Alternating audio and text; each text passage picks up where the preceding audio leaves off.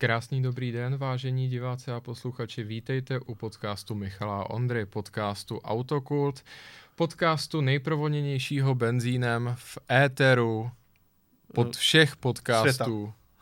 V éteru světa.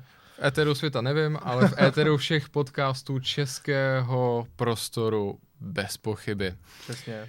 Uh, Řekl to moc hezky, Michale. Děkuji, Ondro, a tímto tě tady tedy vítám. Takhle Ano. my se tady každý týden navzájem vítáme, že ano. Přesně tak, my se rádi vítáme, takže děkuji Michale, já tebe taky vítám a musíme si dneska říci naše hlavní téma, na co se Ano. můžou naši posluchači a diváci těšit. Ale já ti do toho, Ondro, ještě skočím, protože i stejně tak jako v minulém dílu, tak jsme tady pro vás měli jeden takový námět, možná i žádost, za předpokladu, že se vám náš podcast líbí. A hlavně chcete pomoci naší misi se prosadit uh, s tématem automobilismu mezi asi tak deseti tisíci podcasty o politice, podcastu o menstruaci anebo podcastu o splétání líka, prosadit i s tématem automobilismu, které desítky z nás, desítky tisíc z nás tak milují a přesto se považuji říct, že je dneska spíš na okraji zájmu, Hmm. tak tady máme jednu anketu, jedná se o podcast roku a v této pro nás můžete hlasovat. Za každý hlas, který nám věnujete, budeme velmi rádi a hlavně říkám, mohlo by to pomoci tomuto tématu, jehož prapor tady neseme v zásadě sami, bych tak řekl. Téměř ano. Skoro, no. Tak eh, by to mohlo pomoci a tím i automobilové kultuře jako celku. Hlasování se uzavírá poměrně brzy, takže neváhejte.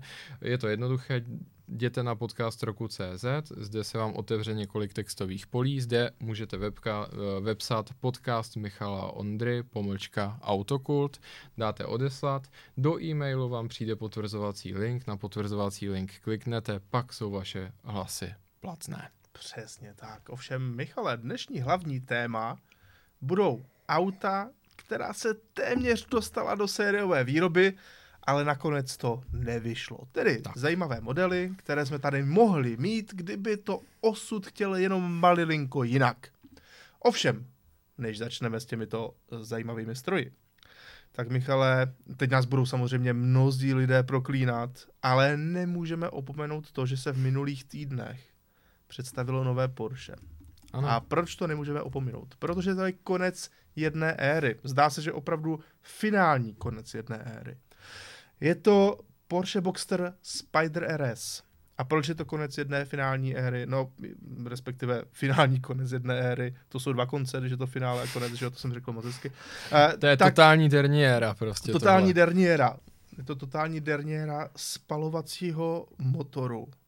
U podobného vozu Porsche, tady kompaktní auto s motorem uprostřed.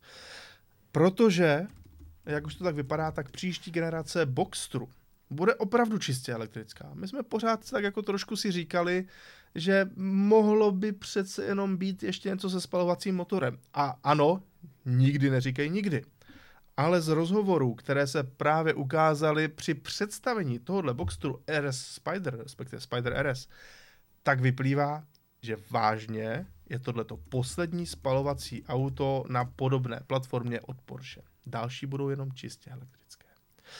Ale ten finální produkt tedy je naprosto dekberoucí, protože motor z GT3 se podíval i do Boxstru. Je to tedy něco jako Cayman GT4 RS, ovšem bez střechy. On je to vlastně takřka úplně Porsche Cayman GT4 RS. Konec konců obě dvě jsou to auta platformy 718, jak je, nově, je pojmenovaná ta platforma, která ovšem začíná už Boxsterem 986, později 987, 981, 982. Tohle to auto, ačkoliv marketingové označení je 718, tak ve skutečnosti typové je 982. Mhm.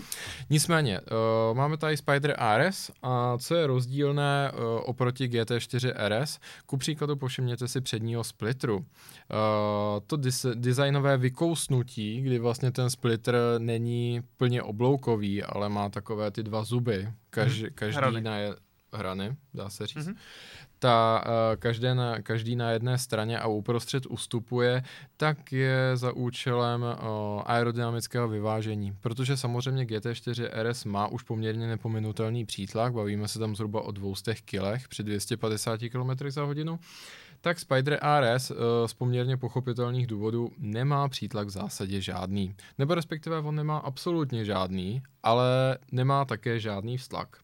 Na to je šéf eh, konstruktér GT Porsche uh, Andreas Poleninger poměrně hrdý a obšírně to popisuje, že na rozdíl od GT4 RS zde si nemohli dovolit v zásadě žádný přítlak, nebo respektive přišel by hodně draho. Jelikož všechny roadstry tou otevřenou kabinou tak vytváří vztlak tím, že se tam ten vzduch jako točí za, za, tou, za tím rámem čelního okna.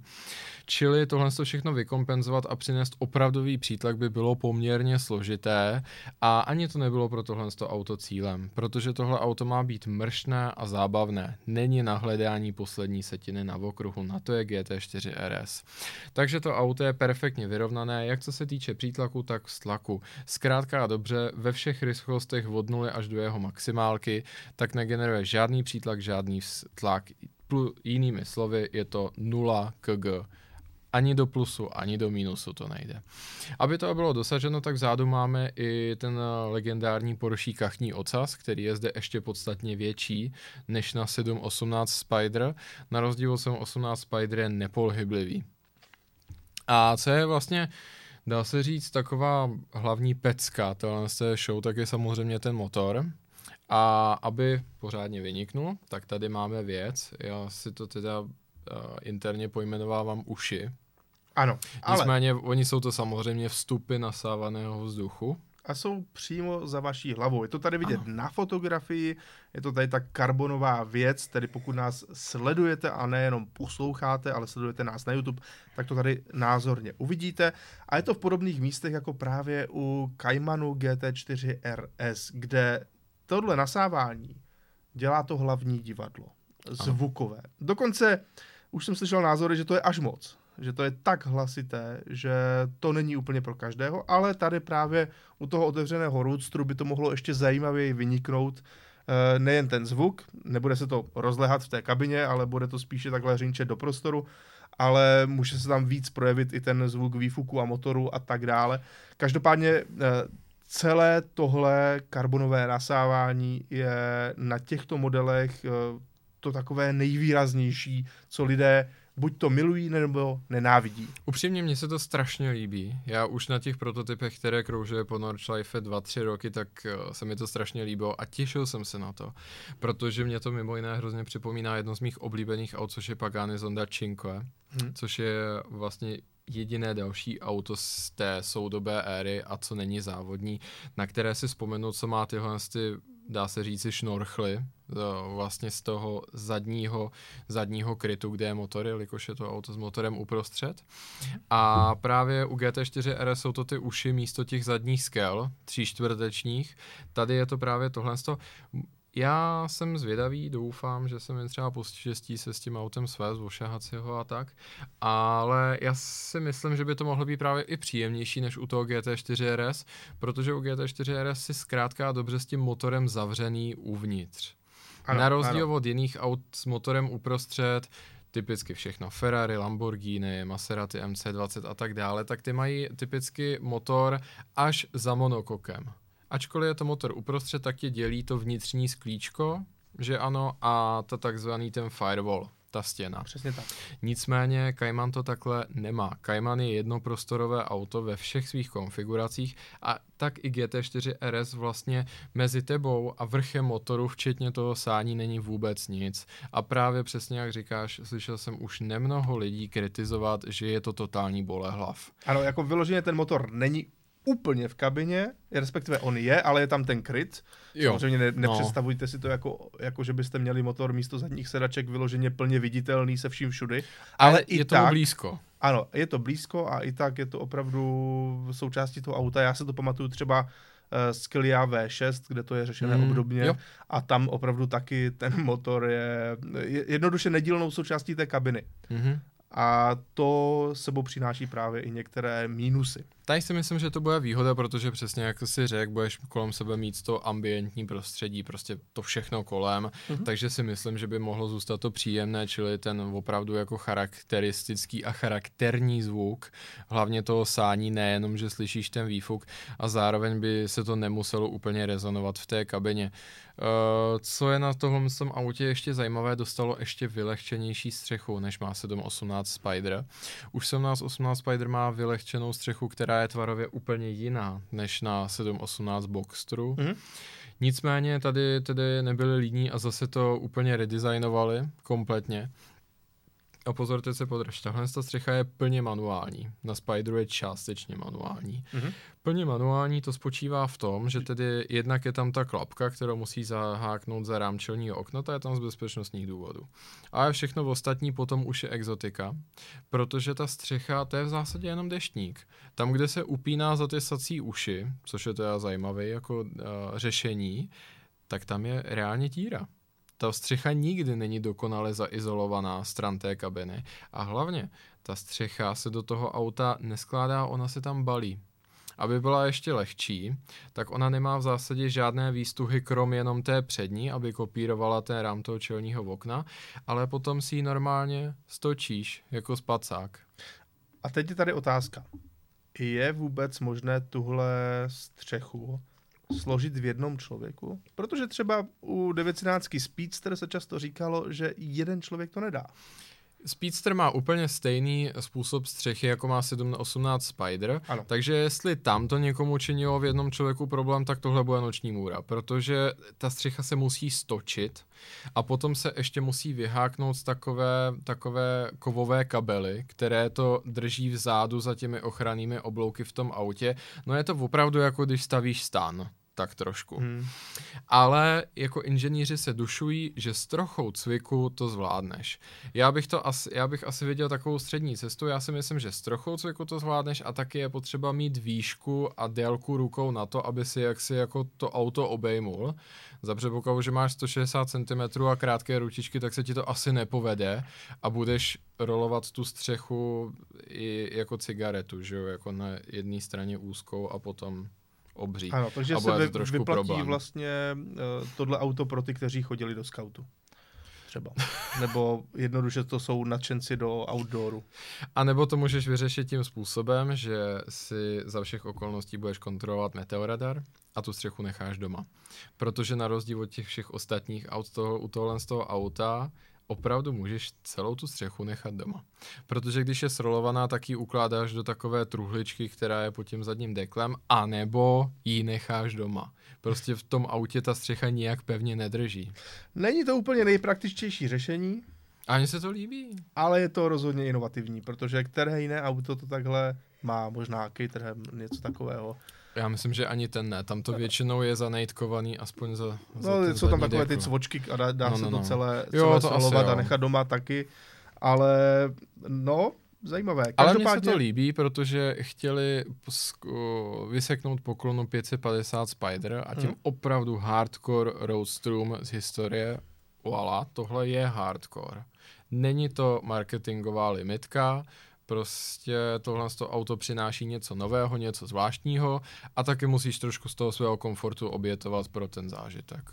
Naprosto, rozhodně s tebou souhlasím a mimochodem ještě si řekneme nějaké ty základní parametry, tedy hmm. 500 koní, a dvou, je to 500, říkám to správně? 500 koní 500 rovných. koní a 7 stupňová dvouspojková uh, převodovka, takže je to stejné jako v GT3 nebo právě v GT4. Na rozdíl od GT3 žádná možnost manuálu a než se začne divoce spekulovat v komentářích, jestli by to mohlo být rychlejší než GT3, ne, nemůže to být rychlejší než GT3, protože uh, eh, 718 nikdy nepřijala dvojité lichoběžníky vpředu, což je opravdu velký rozdíl stran zavěšení. Ale když už jsme u toho, tak se musíme zaměřit i na to, co jsme zažili my dva v mm-hmm. poslední době. A já jsem mimochodem taky jezdil v Roadstru, který má mm-hmm. fantastický atmosférický to motor. Pojde.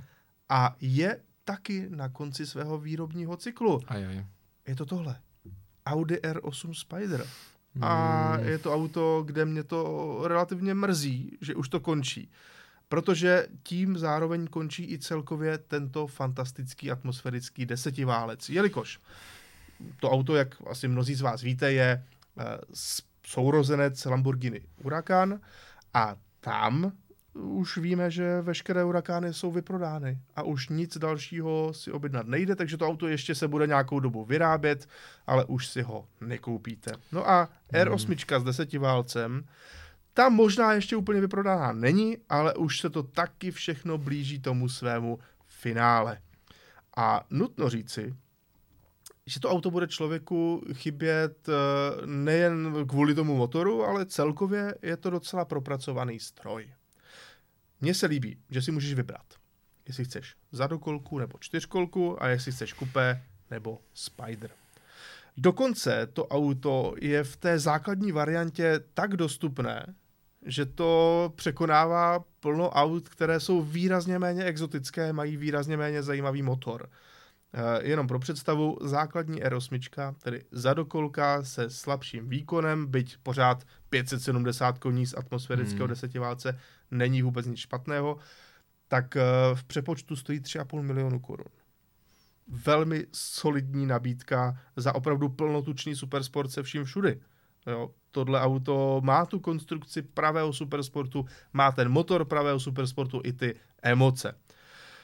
A musím říct, že tenhle Spider mě fakt bavil, byť jeho nastavení celkové je maximálně na to, aby bylo řidičsky, aby to bylo řidičsky uživ, uh, přívětivé auto, snadné na používání, snadné na ježdění i každodenní ježdění a s tím samozřejmě se vytrácí třeba jistá část nějakých emocí. Mm-hmm.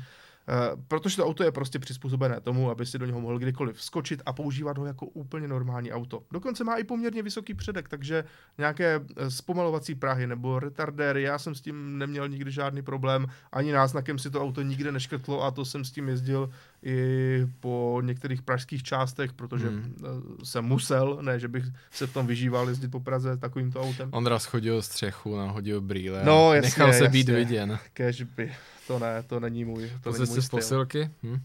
Samozřejmě jel jsem, to, v tílku jsem jel z posilovny, to víš jo. Uh, No ale musím říct, že to auto je právě přizpůsobené tomu, aby se snadno řídilo. Tohle byla tedy, tedy verze Performance, tedy čtyřkolka, 620 koní, takže ta silnější. A to auto je celkově nastavené tak, aby se v tom každý nezabil. I na mokru můžeš prostě dát, já nevím, na trojku plný plyn, což zkusit to s vypnutou stabilizací eh, s nějakým Ferrari třeba, zadokolkovým.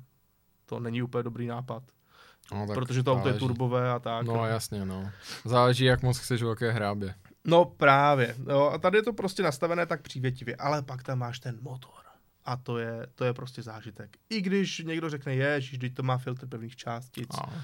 tak to je hrůza, jenže v tom autě, když si stáhnete střechu a nemusíte ani stahovat střechu, stačí si stáhnout zadní okýnko, což jde nezávisle na střeše. Takže z toho uděláš auto, kde máš právě plný přístup zvukový eh, toho motoru do kabiny, tak je to něco nádherného. A slyšíš tam eh, to ostré motorsportové sání, jako člověk slyšel třeba na, na bavorácích od M-kových atmosférických. Hmm. To tam všechno přesně slyšíš a zároveň se to pojí s tím vysokotáčkovým jekotem, kdy ty točíš 8,5 tisíce otáček a je to, je to fakt skvělý. Zároveň to auto uh, umí být i zábavné, ale už je to trošku, řekněme, vyšší dívčí.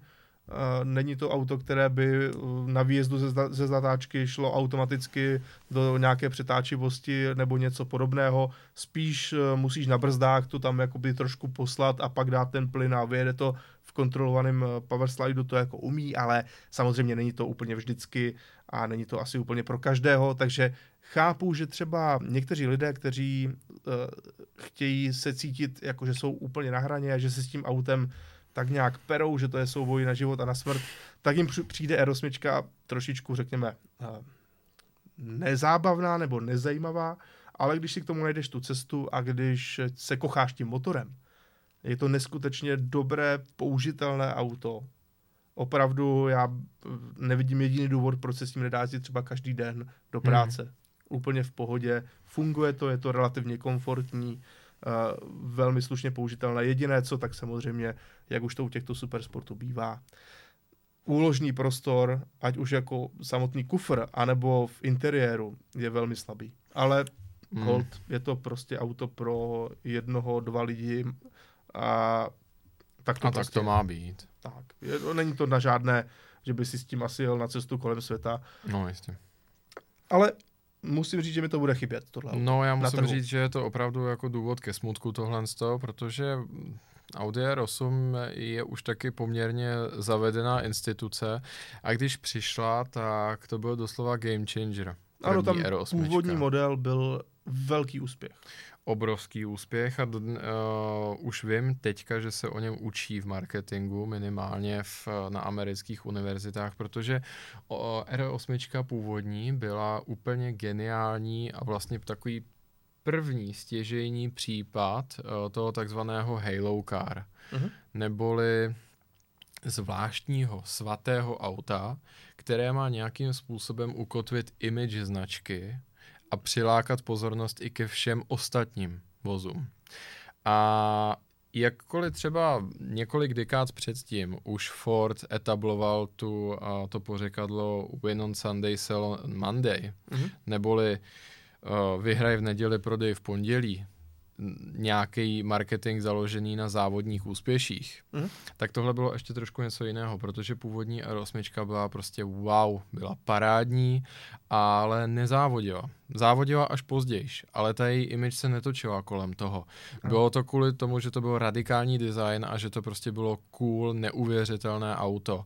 A v, uh, jak se vlastně snažili to nějakým způsobem postavit na jisto třeba v populární kultuře. Uh, prototyp, že jo, vlastně designový R8, tak se objevil ve filmu Já robot. Určitě si vzpomínáme, no to si že jo? pamatují skoro všichni? Uh, vy, nebo nej to R8 vypadá to jako R8, ta silueta je v zásadě stejná a samozřejmě R8 si poměrně slavně zahrála i v Iron Manově jedničce, kde jí měl Tony Stark a. jako hlavní postava. A já jsem i tou první R8 jezdil a fakt si myslím, že se dá říct, že to auto bylo game changer, protože oni, ono ani tou jízdou nesklamalo. Ne, ne, oproti ne, tomu to vůbec to, špatně. No, oproti tomu, tomu to nebylo tak exotické, díky tomu, že to byla ta 4.2V8 Audi. No, později Audi to byla taky desetiválcová verze, ale ze začátku to byla ta 4.2. Ale fascinující bylo, že ve světě, kdy ty supersporty byly poměrně nekompromisní, tak už ta první R8 byla velmi pohodlná. Díky těm tlumičům Magnarite, mm-hmm. tak i když tam byly určité kompromisy z toho Airtroniku, což byl taky jednospojkový robotizovaný manuál, tak jako ten jízdní komfort byl nadprůměrně dobrý. A to auto v průběhu těch dekád neuvěřitelně vyrostlo a vykvetlo v těle ten nádherný desetiválec.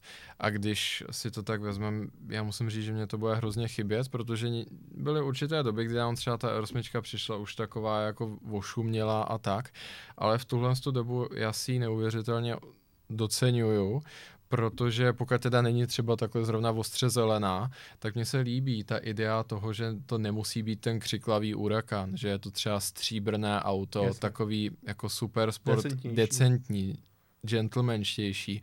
A ta cena, když si to vlastně dáme do kontextu, tak je neuvěřitelně dobrá.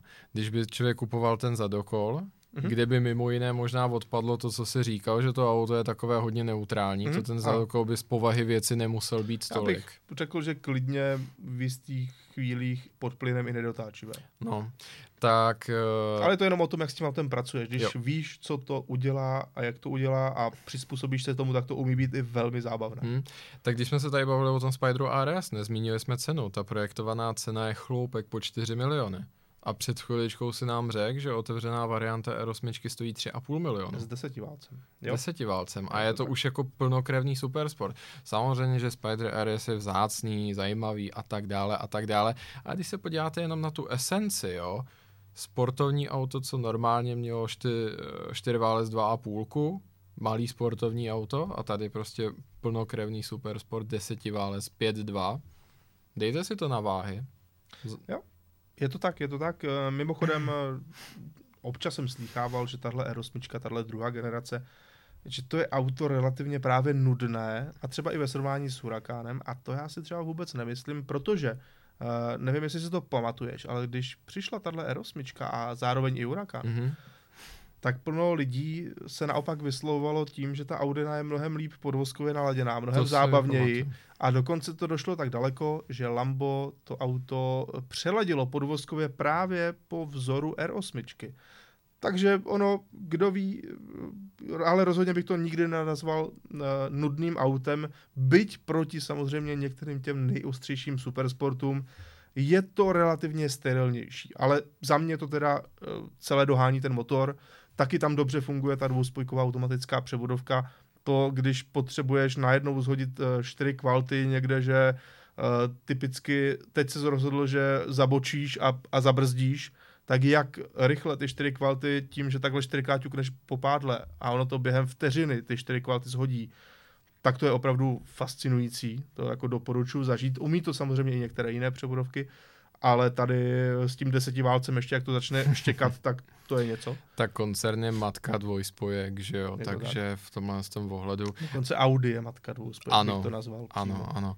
Takže já musím říct, že jsem velkým fanouškem tohohle z toho auta. Upří, upřímně mě mrzí, že z toho trhu mizí, takže kdybyste nad tím uvažoval, tak já si myslím, že to, to je opravdu, opravdu dobrá volba. Je to dobrá nabídka. Byť je to um, v dnešním pohledu trošku plebejštější značka a každý si řekne, no tak si radši Aha. koupím to Lambo, ale mně to, to teda nepřipadá to, to nevadí, vůbec. to nevadí. Přesně tak. A vlastně, jak říkáš, jako na jednu stranu, a to je právě otázka, vem si, jak ono se nám tady vycizelovalo to, co je a není sterilní. V určitých dobách tohle to auto mohlo vypadat sterilně, ale dneska, když vlastně většina supersportů sdílí twin turbové šestku, tak tohle je velmi nesterilní.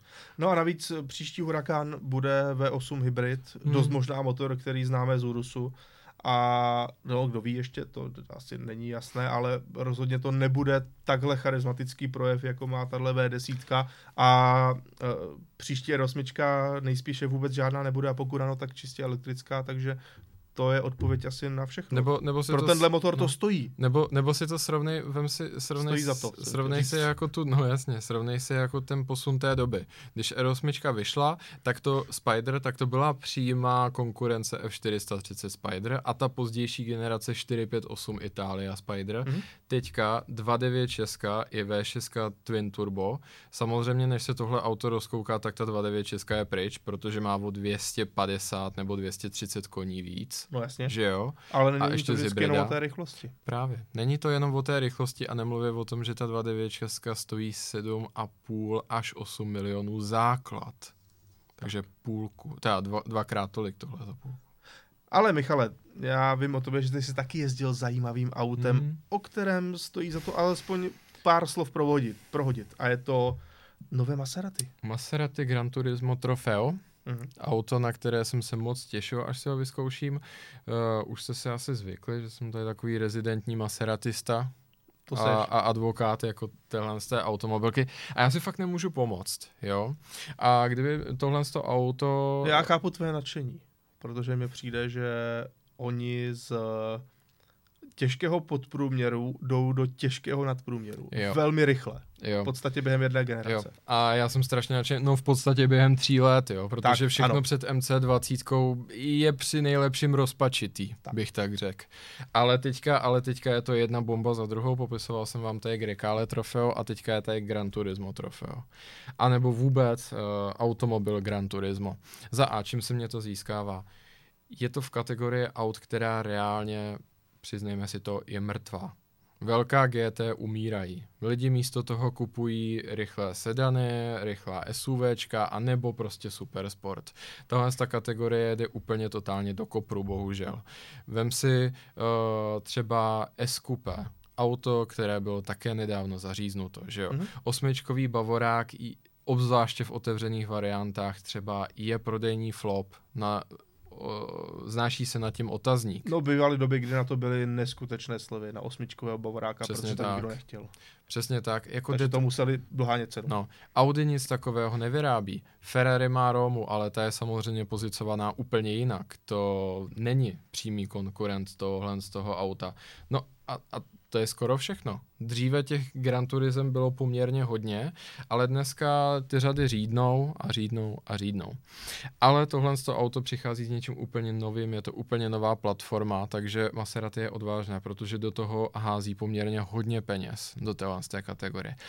A já bych byl býval asi radši, kdyby mi to půjčili jako anonymní auto bez značku a designově nerozeznatelné, protože pak by to nevypadalo jako, že jsem prostě vysazený a že budu chválit všechno jako strojzubcem a hergo to auto nejde nepochválit.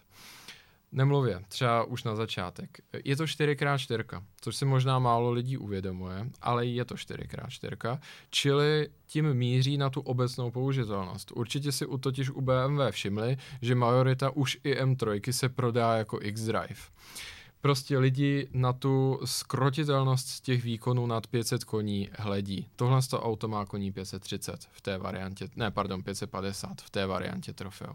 Ale je to 4x4, která dává dopředu maximálně 30% výkonu. Takže je to taková ta pomáhající 4x4, nedominující.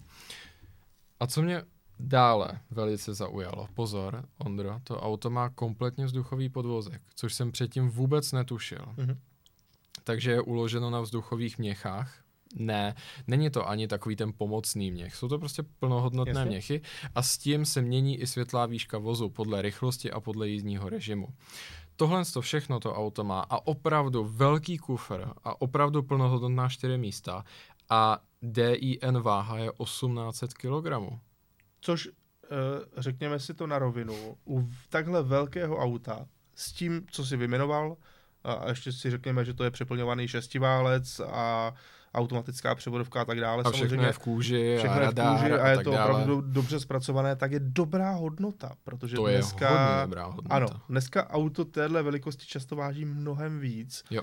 A řekněme si to na rovinu, Gran Turismo nemá být nikdy lehké auto vyloženě, to hmm. není podstata uh, jakéhokoliv Gran Turismo, nemyslím teďka vyloženě Maserati, ale uh, nechceš, aby zase bylo jako příliš těžké, nechceš dvoutunový stroj. A jestli to má 1800, tak to je slušné. Jo, uh, má to 18 kg, nemluvě o tom, že zde není dvojspojka, má to klasický hydrodynamický měnič, ano. takže uh, velmi komfortní. Takže těch... jiná převodovka než je v uh, MC20? Úplně. Hmm. V MC20 je převodovka Tremek, která je mimo jiné velmi úzce uh, zblížená s převodovkou v aktuální korvetě. Mm-hmm. Uh, nicméně tohle je klasická ZF8 HP55, čili ta úplně její nejnovější iterace té legendární ZF8, kterou tedy používá i BMW a spousta dalších značek. Ano. Uh, co to přináší za, za výhody, je samozřejmě to, že v těch, uh, řeknu, vláčnějších jízdních režimech, tak ten komfort je obrovský, protože jako každý hydrodynamický měnič, tak to auto si umí popustit ten převodový poměr a nádherně vyhladit ty kvality, takže žádné cukání, velmi jednoduché popují pojíždění, ale musím pochválit přesně, samozřejmě nebude to tak brutálně ostré jako v té R8, ale Myslím si, že velká část lidí by si při tom řazení a podřazování v tom nejostřejším režimu Korza fakt mohlo myslet, že je to dvojspojka, protože mhm. to je opravdu drc. Naprosto bez jakéhokoliv citelného přerušení a výkonu. I ještě bych chtěl říct jednu věc. Často samozřejmě je tady ta mantra, která je z velké části pravdivá, že ten automat je výrazně rychlejší než manuál, ale mě třeba vždycky vadilo, že některé ty převodovky mají velkou prodlevu na to, když ťukneš pádlem mm-hmm. a ono se to stane. A, v tu, a než, než to zařadí. A, a v tu chvíli vlastně já si řeknu, no vlastně, kdybych to, kdybych to vlastně přeřadil ručně, tak si se tam přijdu o kus výkonu, ale udělám to rychleji přesně v tu chvíli, mm-hmm. si já. Mm-hmm. A takhle mě to vadilo. Ale je pravda, že dneska některé ty převodovky, jak je ta R8, fantastická byla převodovka Getrack v Alpině A110, mm-hmm. anebo právě už dneska i tyhle ty osmi kvality od ZF, tak dokáží zřadit úplně přesně v tu milisekundu, kdy ty se dotkneš toho pádla což je boží. Jo, nemluvím o tom, že líbí se mi, že se tady myslelo i na detaily, ale na řidičské detaily. Protože Maserati jako muselo přemýšlet nad tím, že třeba tam budou příchozí zákazníci ze starších modelů Maserati, anebo z Ferrari a vůbec z těch, kteří mají spou- eh, zkušenosti s tím robotizovaným manuálem nebo, uh, nebo dvojspojkou. U Grekále, když zatáhneš za obě dvě pádla, tak se nestane vůbec nic. Ale tady se tam skutečně softwarově do toho programu dostalo, že jako u všech italských supersportů, když zatáhne za obě dvě pádla naraz, takže tam spadne neutrál. No super, to jsem nečekal, že Nádherný to jde i, detail. i v, ano, že to takhle udělají i s 8 kvaltem od Na, nádherný detail. Fakt, jako to mě dostalo. Další uh, charakter motoru parádní, byť uh, skoro 100 koní zmizelo vůči MC20. Uh, to auto táhne neuvěřitelně, nemůže si nikdy stěžovat na nedostatek výkonu. Ta křivka je poměrně zajímavá, není to taková ta turboplacka, že jakmile se to sebere, tak už to zůstává stejné. Mhm. Má to i poměrně jakous takovou špičku, díky tomu, že je to 4x4 a slabší, tak je i trošku proskoumatelnější než v té MC20. A hlavně, co musím pochválit, je prostě šasy a pohon. To je fantazie, protože v těch komfortních režimech si to absolutně nezadá s normální Panamerou na vzduchu. Není nic slyšet, jenom to tak jako lehce přejede přes jakýkoliv větší výmoly, přes retardéry a takový ff, a vůbec se nepřenáší uh, žádné nárazy do interiéru a v tom režimu Corza naopak nemůžu si absolutně stěžovat na nějaký cit ve volantu, na přenosy váhy, to auto je nádherný na brzdách. I se dá nádherně trailbreakovat do zatáčky. Opravdu v tomhle tom není absolutně chyba. No a konečně ten pohon, Strašně se mi líbí a mluvil jsem s jedním vývojářem, se kterým se mimo jiné známe, že třeba Porsche, uh, že třeba Porsche dělá trošičku někdy jednu chybu, že se snaží jako tak zamachrovat s tou dokonalostí té 4x4, obzvlášť u těch větších aut, až vlastně ta 4x4 přebírá tu roli toho pilota. Dostaneš se do přetáčivosti a ta 4x4 řekne, aha, teď je můj moment a ten drift ti sebere. Přesně tak. To Gran Dá to- Turismo přesně takový ano. není. Jinak řečeno, dělají to bavoráky, Jo. eh, najednou to hodí veškerý točivý moment na přední nápravu a ta vlastně z toho smyku člověka vytáhne. Ta 4x4 v tom Gran Turismo přesně, ona ví, že k tomu prokluzu došlo, protože ty čidla tam jsou a je to vidět i na tom palubním počítači, kde jsou na tohle to velmi zajímavé grafiky a člověk se tak jako sklouzne ven z té zatáčky a prostě to auto mi nechává kvanta času a říká, tak se bav. A na ty přední kola neposílá vůbec nic.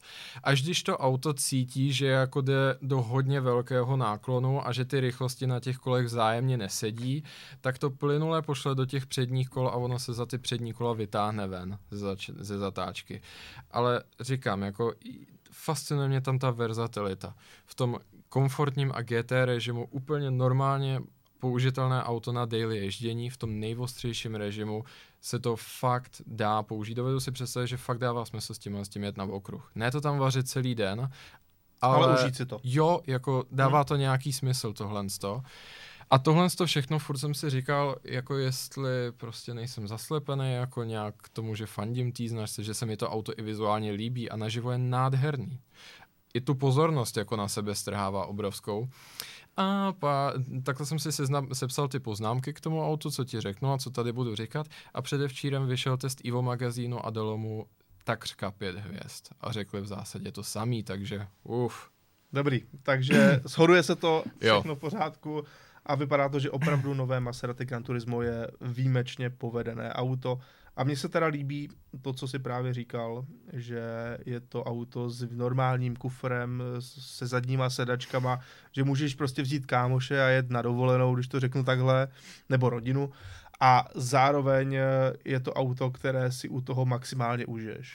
Což Jo. se mi fakt líbí. A asi bych jako taky, co se týče té uh, vlastně kvality výroby a, a spolehlivosti, myslím si, že Maserati se tady snaží rozprášit jako ty mýty, protože na to auto je poměrně štědrý servisní plán. Nově jde do, taky do, mimo jiné do, v zásadě do nekonečna dokupovat záruka snad do 10 nebo 15 let stáří toho auta a v tom interiéru, na rozdíl od těch předchozích, a to se bavíme vlastně skrz celou historii Maserati, Zkoumal jsem ten interiér do detailu a nenašel jsem jediný ovladač, který by byl přenesený z jiného auta.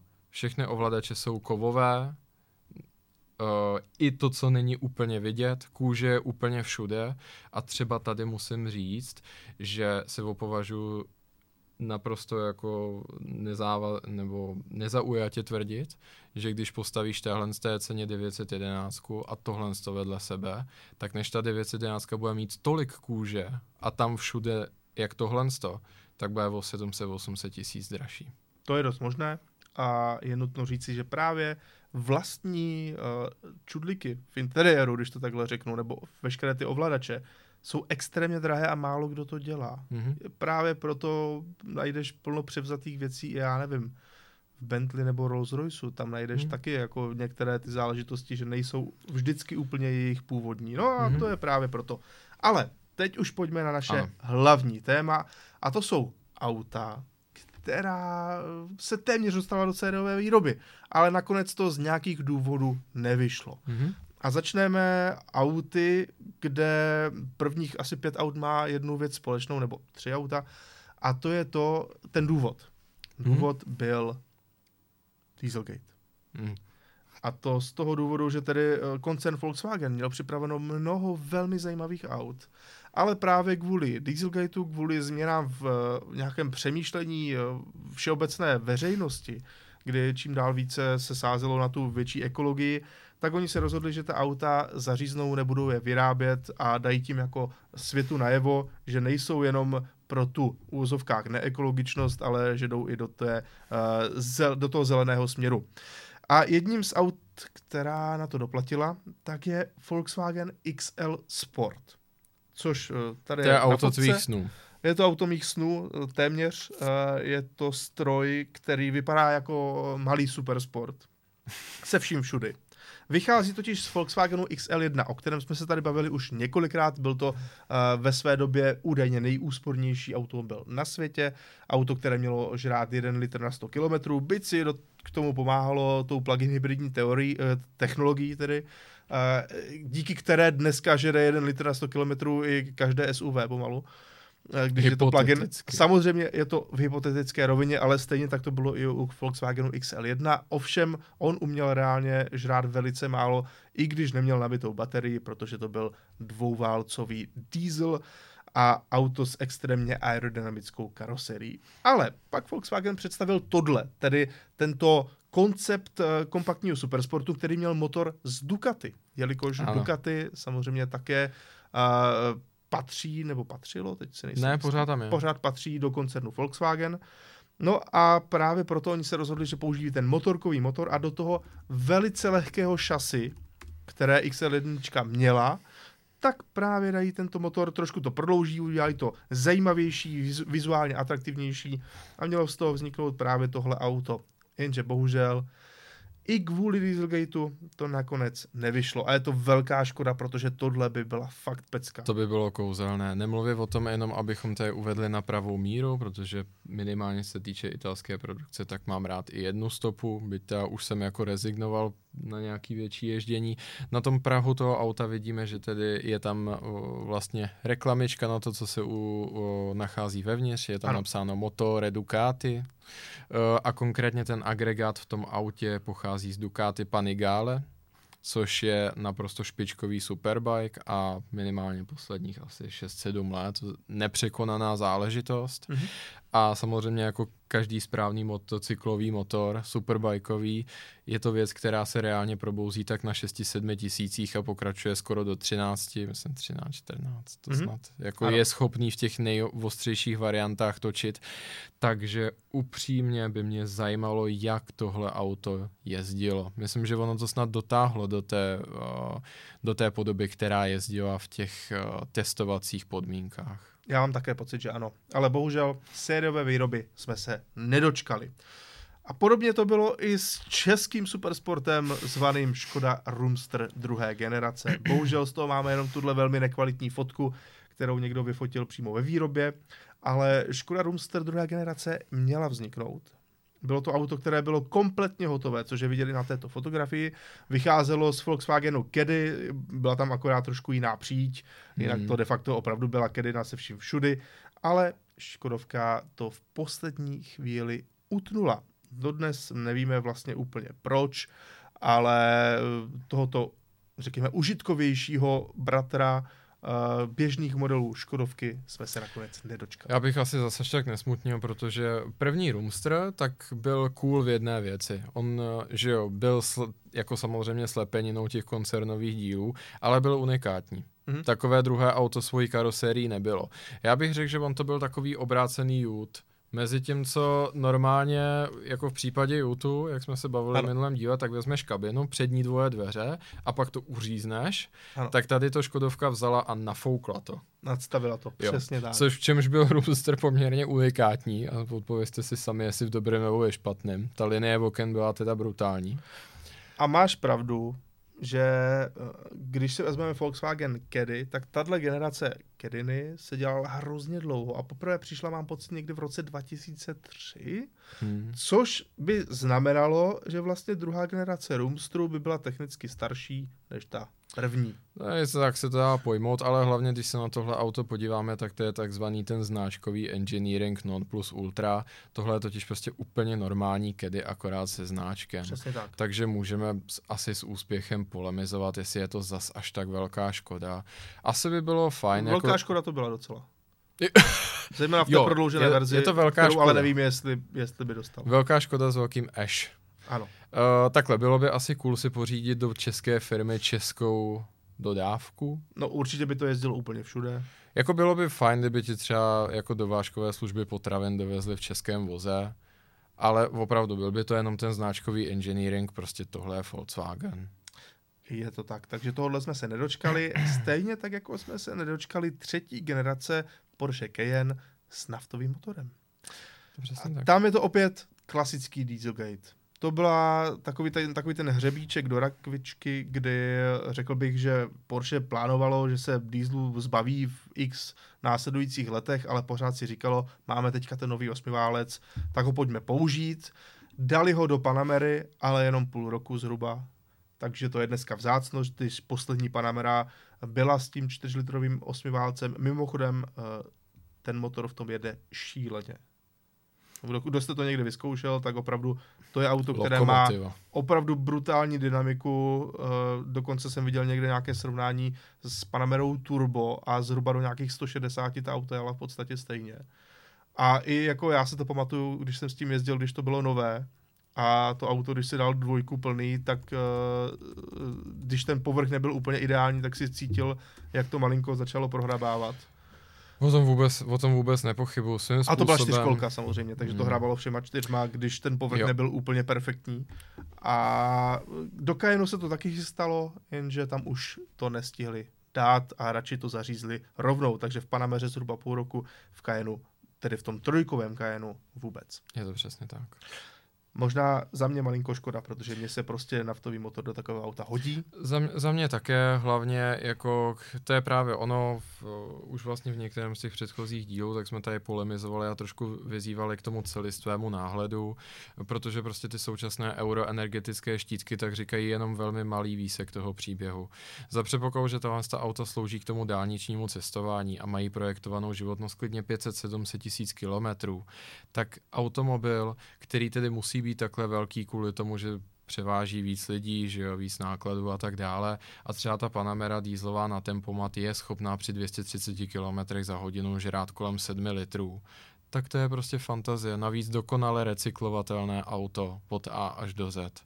V tomhle tom to byla obrovská škoda a když se to posléze hodilo na papír a skutečně se spočítal celý ten život z toho auta od vzniku až do sešrotování a recyklace, tak to těm ve obrovsky těžkým a velkým elektromobilům vždycky dávalo na zadek.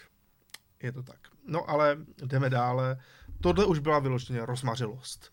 Hmm. Eh, Na základě úspěchů v Le Mans chtělo Audi dát do R8 první generace i onen naftový 12 válec, který nakonec se objevil pouze v Audi Q7. Bohužel bylo to velice těsné. Málem to dali do sériové výroby.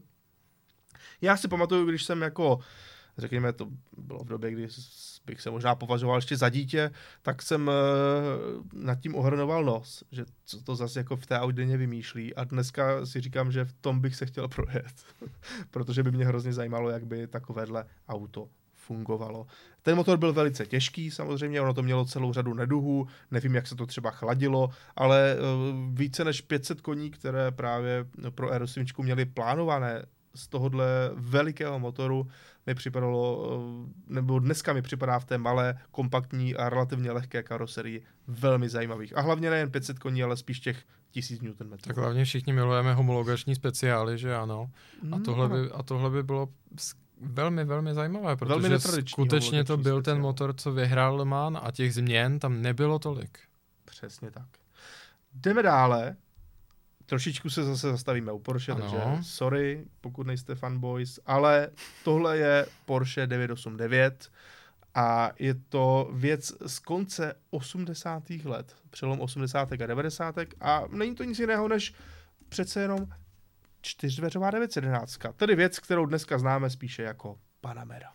Je to přesně tak. eh, Porsche na rozdíl třeba od Ferrari, které vždycky ctilo mantru, že bude-li trh chtít 100 aut, vyrobíme jich na just jenom 99, tak Porsche se nikdy netajilo tím, že se snažilo navyšovat svoje výrobní kapacity a dodávat víc a víc aut. Konec konců i dnes se o to snaží, Ano. proto samozřejmě přišly věci jako je Cayenne, Panamera, Macan a Taycan. Taycan. Uh, a tak Porsche samozřejmě už na přelomu 80. a 90. let koketovalo s tím, kam rozšířit ten svůj výrobní program. Vzhledem k tomu, že tehdy SUV v zásadě neexistovalo, ještě pěkných pár let nám zbývalo ke zveřejnění eh, zakladatele, což byl Mercedes ML, se považuji říct opravdu těch luxusních SUV, tak eh, a tehdy samozřejmě mnohem víc frčely sedany. Byl to vlastně, řekl bych, konec té zlaté éry manažerských limuzín a sedanů. Tak pozornost Porsche se směřovala hlavně k sedanům. A proto si nechalo zpracovat hned několik studií, jednak eh, tady Porsche 989 eh, vzniklo uvnitř fabriky. Mhm. Byl to čistě jejich autorský design, ale jako to tak často bývá, tak samozřejmě nechali uh, i subdodavatele, aby se dvořili a proto vzniklo třeba i Porsche 932, Přesně což tak. je, uh, což je námět a je to skutečně jenom model, to auto není funkční plně. Ale byl to námět od Ital Design, neboli od Giugiara, který se snažil jim prodat trošičku jinou designovou myšlenku, než uh, Porsche prezentoval na svém vlastním demonstrátoru 989. Posuďte sami, které z těch aut se vám líbí víc. Já se upřímně Tady myslím, stojí za sebou na fotografii, takže no. pokud nás sledujete, tak to můžete vidět uh, skrz náš YouTubeový kanál. Uh, já musím říct, že ta 989 ze zadu paradoxně velmi mi připomíná 913 996, která ale přišla o 10 let později.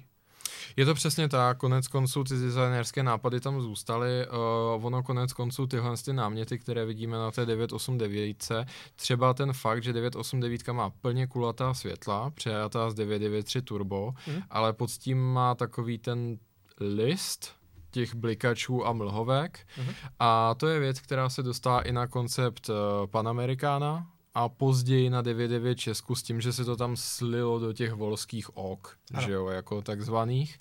Nicméně Ital Design k tomu přistupoval jinak a popravdě já si myslím, že Porsche tím svým vlastním návrhem to vystihlo lépe, protože ono tam nechalo tu klasickou zadní linii té 911 a akcentovalo ji tím, že v tom místě ustupuje ten zadní blatník a tvoří takovou, takový ten zadek Ano. klasický, co, na což se Ital Design vykašlal převážně a udělal tam spíš takovou krabicovitou linii a nemůžu si pomoct, ta 932 vypadá strašně moc jako Dodge Intrepid z roku 2002.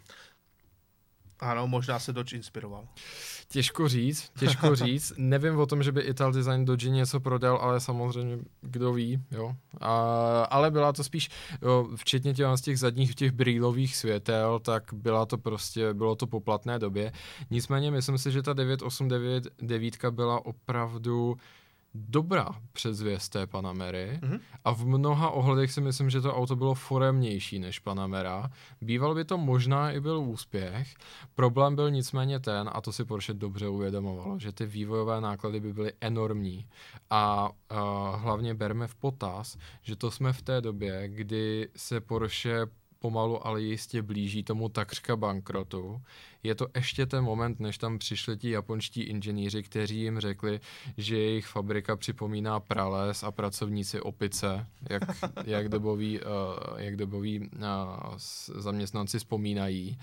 A vlastně Porsche by na to opravdu nemělo, na to tohle to auto vyvinout. Proto jsou to převážně hliněné modely a takové nedůležitosti, jako kde bude motor a jakým způsobem to hnát, tak to řeší jenom velmi povrchně. Porsche na to absolutně nemělo platformu a nemělo na to peníze, proto se s z těch projektů couvlo.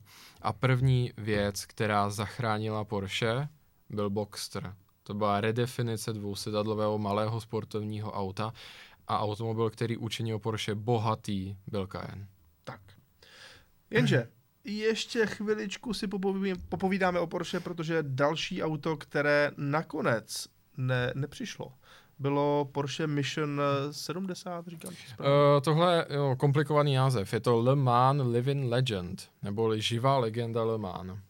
No. Ano to měl někdo po písmenkovou polívku ke snídani, ale to nevadí, protože eh, bohužel to, to auto to nedopracovalo daleko v tom produkčním uh, procesu, ale ilustruje to spíš jinou věc. Předtím, mezi tím, co tam ta auta hledala nějaký profit, hmm. a tohle z toho, tak tohle auto je vyloženě pro radost a oslava toho, že Porsche se daří. A spousta těch má, uh, inženýrů to označovala jako svůj takzvaný Lieblingsprojekt, neboli projekt z lásky. A byla to ta vize, co kdyby. Co kdyby existovalo něco víc, než jsou vrcholné varianty 911 a zároveň méně, než je ten Hypersport, co je jednou za 10 let. Ano. Vzniklo to jako studie v roce 2016 a věřte nebo ne, tak přední část toho automobilu je uh, platforma Porsche 718, nebo respektive 981, 982. Takže Cayman Boxster. Přesně tak. Přední část toho auta je Cayman. Nicméně dveře by měly být křídlové a se silným zářezem do střechy a zadek je prodloužený polorám, úplně specifická konstrukce, ne nepodobná tomu, co ve skutečnosti dělá RUF u CTR3. Ten taky vezme čumák z Boxtru a posléze tomu tak. udělá plnokrevný poloram. Jak vidíme, to auto má dvoje dveře, nemá zadní skla, místo toho má sání. Proč má sání? Protože vzadu je osmiválec atmosférický, u kterého Porsche doufalo, že by mohl mít až 700 koní. Velmi slušné. A to by byla opravdová pecka. Zkusit to představit. To by se mi velice líbilo. Hmm. Bohužel sériové výroby jsme se opět nedočkali. Nedočkali, ono konec konců Porsche s tím koketuje už dekády, protože už uh, v během vývoje 959 tak se uvažovalo nad autem, které se mělo jmenovat 965 a hádej co, byl v něm atmosférický osmiválec, tentokrát půjčený tak trošku od Audi, ale taky měl být uprostřed toho auta, mělo mít prodlouženou záď a měla to být taková budgetovější 959. Takže ta myšlenka, ta namlsanost z toho hypersportu a ta myšlenka vždycky pojďme udělat něco víc než je 911, ale méně než je ten hypersport, tak to se v Porsche prostě objevuje pravidelně, ale ještě se to nedotáhlo do konce. Leč tohle to auto si myslím, že by bylo teda fantastické, ale můžeme o tom v tuhle tu chvíli spíše snít. Přesně tak. A ovšem taky mohli všichni ba- fanoušci Bavoráku jenom snít, tak to byla první M8. Jak asi všichni víte, tak osmičkový Bavorák, opět jsou to raná 90. léta, eh, bylo obrovské kupé, právě to Gran Turismo, dneska jsme si o tom taky povídali, eh, které používalo 12-válcové motory převážně, ale také 8 válce eh, v té základní variantě. A nutno říci, že vrcholná verze nakonec dostala 8 válec od MK. Byl to tedy BMW 850 CSI a byl to bez sporu výborný motor, výborná uh, zakomponovanost toho motoru do auta, uh, kdy jste dostali opravdu zajímavý, ostrý, respektive ostřejší 12 válec, ale pořád to nebylo plnohodnotné M-kové auto. Ale BMW takové auto vyrobilo. Vidíme ho tady na fotce, bylo to BMW M8, nádherně rozšířené, eh, krásně udělané auto. Myslím si, že tohle by byla veliká pecka, kdyby se to dostalo do sériové výroby a nakonec z toho bohužel sešlo. Hlavně si myslím, že to auto by bylo neuvěřitelně cené kvůli jedné věci. Uh, přátelé, vzpomeňme, kam se ten motor posléze dostal ten motor ano. je velmi, konkrétně tady v té variantě M8, tak ne celé to auto skončilo jenom v muzeu.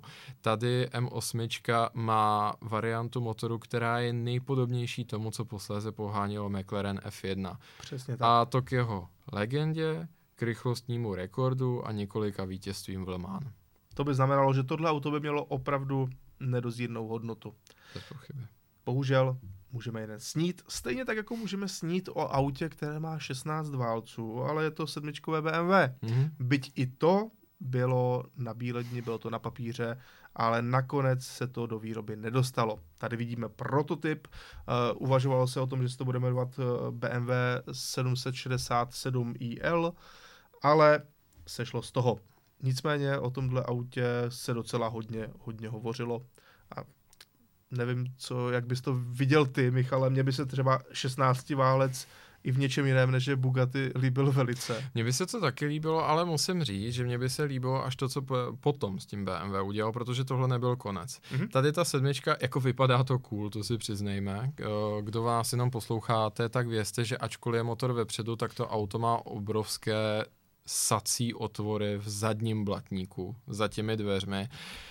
Musím říct, že si nejsem jistý, jestli je pro toho německého kapitána průmyslu úplně důstojné nasedat jako na to zadní sedadlo před tím obrovským nádechem. je, to, je to takové Frankensteinovské, bych řekl, tohle z to auto. A mně se líbí to, že oni se té myšlenky nevzdali a ta myšlenka pokračovala na 16 válec eh, v luxusním sedanu nebo limuzíně. A BMW si to zopakovalo po převzetí Rolls-Royceu a vězte, že původní Phantom, hlavně Phantom Coupé, měl mít 16-válcový atmosférický motor. A to auto skutečně vzniklo a to auto skutečně bylo funkční. Byl to naprosto funkční a v zásadě dotažený prototyp. A Ondro, víš, kde se to auto objevilo? Nepamatuju si přesně. Nevadí, ale já cítím, že to máš na jazyku, že jsi to někdy v životě slyšel Jo. určitě. Určitě jsem to slyšel. S tím autem se natočil původní film Johnny English.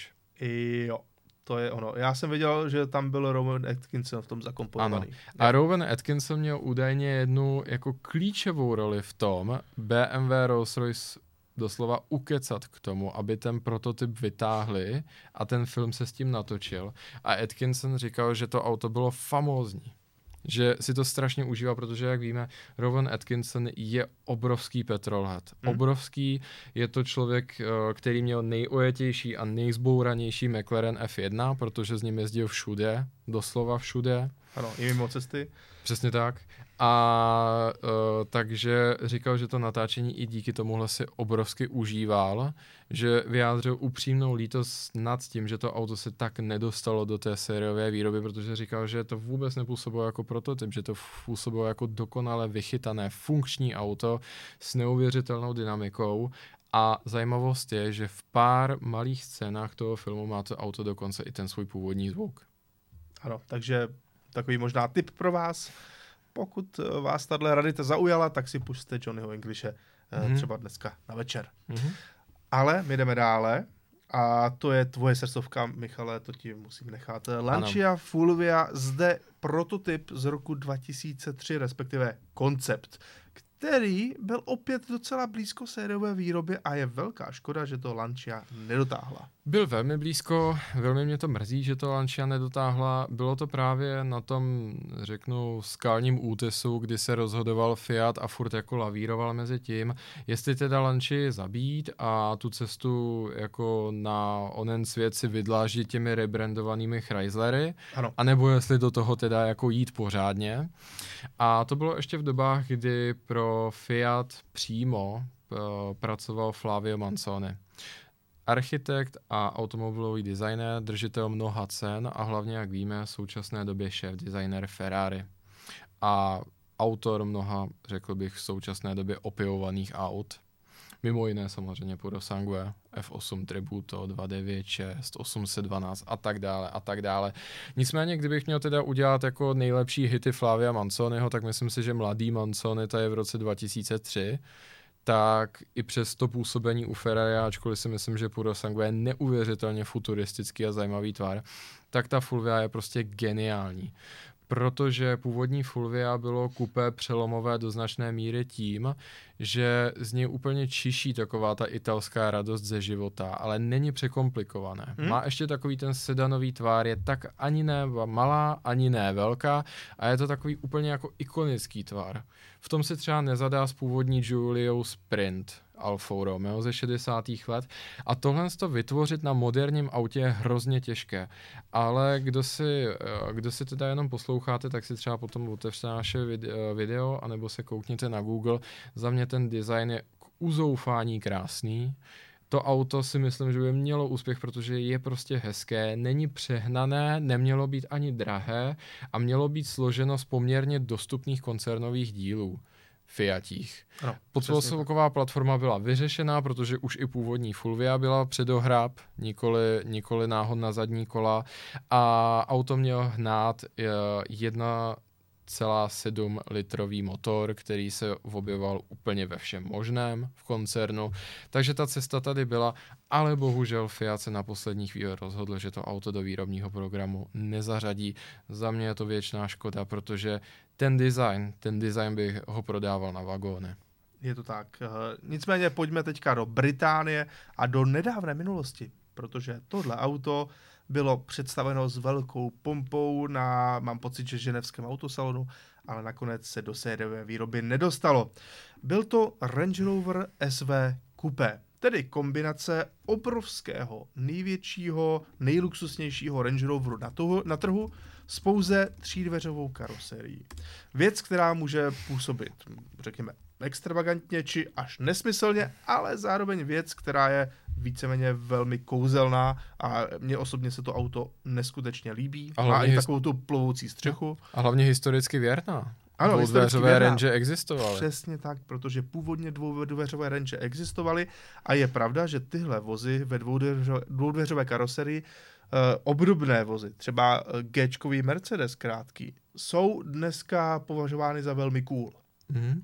Ale bohužel Range Rover to nakonec nedal do té sériové výroby, ačkoliv tohle auto opravdu bylo považováno za věc, která je uh, velmi stylová, velmi drahá a mělo to být velmi exkluzivní auto.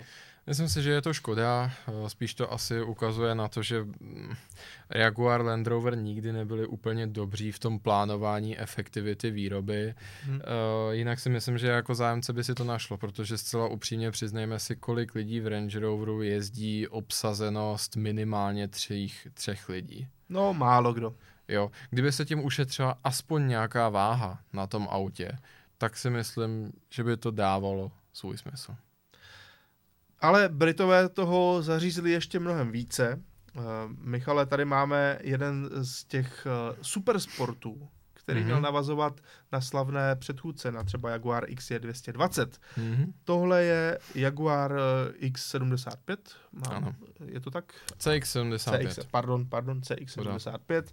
Pořádku, uh, Ano, já musím říct, že o tomhle autě třeba já zase tolik nevím.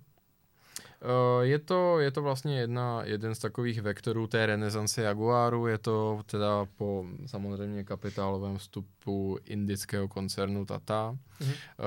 a i té konzolidace do Jaguar Land Rover a oni si chystali takovou jako pecku pro ten nový rozjezd výroby a dlouhou dobu se uvažovalo, že CX75 skutečně do toho výrobního programu naskočí a údajně ten vývoj byl poměrně daleko. Léč bohužel nakonec se to nestalo, jako to v historii britských automobilek takhle nedopadlo už hodněkrát, ale je to věčná škoda z mnoha důvodů. Původně byl ten plán extrémně optimistický a hlavně byl velmi zelený protože tohle auto neměl pohánět standardní agregát. Tohle auto mělo být, a ty se podraž. No. Mělo to být hybrid v zásadě, jelikož na palubě měly být plynové turbíny, které měly generovat elektřinu, která by posléze poháněla automobil skrz elektromotory, každý na jednotlivém kole. To je velice zajímavé a víme, že elektromobily na jednotlivém kole mají jednu negativní vlastnost, mm-hmm. což mhm. je vysoká neodpružená hmotnost, mm-hmm. ale jednu velmi pozitivní vlastnost a to je naprosto geniální vektorování točivého momentu. Přesně Mezi, tak. Takže je, reálně si mohl vlastně pohánět jakékoliv kolo zvlášť. a tím udávat to, jak se auto chová. To jsou v zásadě super dobré. schopnosti, že jo, pro přesně to auto. tak, přesně tak. Uh, já musím říct, že i to auto vypadá fantasticky. Za mě je to jeden z, jako z majstrštiků toho britského designu a stran supersportu. Uh, posléze se teda uvažovalo nad tím, když jim došlo, že ty plynové turbíny asi úplně neprojdou, tak se uvažovalo i o zástavbě poměrně konvenčního motoru. Těch možností měli povícero, protože tam existoval už ten šestiválec uh, z F-Typeu a hlavně osmiválec osvědčený. Nicméně, i když už byly prý údajně složené nějaké zálohy, tak ani to nevyšlo. A tak největší zářez tohle z toho auta je opět na stříbrném plátně a to konkrétně v, za mě velmi podob, povedené bondovce Spectre, kde se tohle to auto nahání v ulicích Říma s jiným konceptem a to s DB desítkou, tak to pojmenovali. Hmm? Uh, Aston Martinem konkrétně tohle to auto tam uh, řídí jeden z padouchů. Uh, je tam docela zajímavé vidět, že ta DB desítka je na první pohled filmové auto a nedotažený koncept jako některé ty věci prostě neštimují jako na tom autě. Uh-huh. Třeba nejsou dořešené paraboly světel, jo. Ale ta CX-75 vypadá opravdu jako když je to reální auto. To je bohužel ilustruje, kolik peněz a snahy na to vypláceli, aniž by to dotáhli, takže nakonec těch aut vzniklo sedm, dva uh, vývojové prototypy v různé stádii rozpracovanosti a potom pět těch aut na kaskadérské kousky pro tu bondovku, kde samozřejmě i ten pohon byl úplně jiný než původně zamýšlený. Ono to jde vidět i na této fotografii, kterou hmm. tady máme, že to auto opravdu vypadá naprosto dotaženě. Konec konců autokár ho ve své době i testoval. Hmm? Jo, oni, Jaguar to myslel smrtelně vážně, že se do té produkce dostane. Věčná škoda, že nedostal. Jenže u nich eh, to takhle bývalo docela často a hmm. máme tady poslední auto z dnešního výběru, které je pro mě naprosto bizarní záležitostí. Jelikož, že se nedostane do finálního produkčního plánu Supersport, se tak nějak dá čekat. Tam to není úplně řekněme, trendy, hmm. není to úplně levné, eh, ta výnosnost není úplně jasná a abys to vyrobil, tak je to fakt těž, těžké a náročné. Tam je, tam je asi nejlepší prostě, co s takovým supersportem můžeš udělat a proto já možná i litu, že se to Jaguaru nepovedlo, tak je, aby se ti povedl úspěšný ten Halo Car to auto mělo sehrát stejnou roli jako R8 pro Audi, ano. tak to samé pro Jaguar. Eventuálně se opovažuji říct, že se aktuálně tahle imageová role daří i v dalším restartu MC20 u Maserati, mm-hmm. jo. A ta CX-75 bývala mohla být něco jiného, ale dá něco podobného. Promiň, skočil jsem tě o to. Úplně v pohodě, Michale. Tohle je opět Jaguar. Tam mělo to být elektrické XJ. Tedy auto, které přesně zapadá do toho, co je dneska trendy, co se dneska považuje jako, řekněme, téměř norma a standard. Všichni pracují na elektrickém sedanu. A tady, jak vidíš, to auto už jezdilo ve své testovací fázi, už to hmm. bylo všechno téměř v sériové podobě. Oni museli mít hotový kompletní design, když to auto už jezdí s tím maskováním. Museli mít uh, opravdu uh, už to auto de facto celé hotové, už se jenom ladili finální detaily.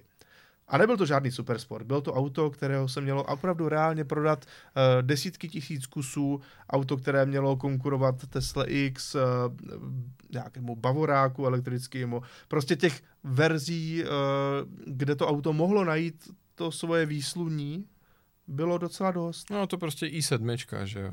Tak, dejme tomu, i i7. Takže elektrický Jaguar X je, uh, byl krok od sériové výroby ale tady je to o to nepochopitelnější, že to je přesně to trendy auto dnešní, to elektrické. A oni ho zařízli.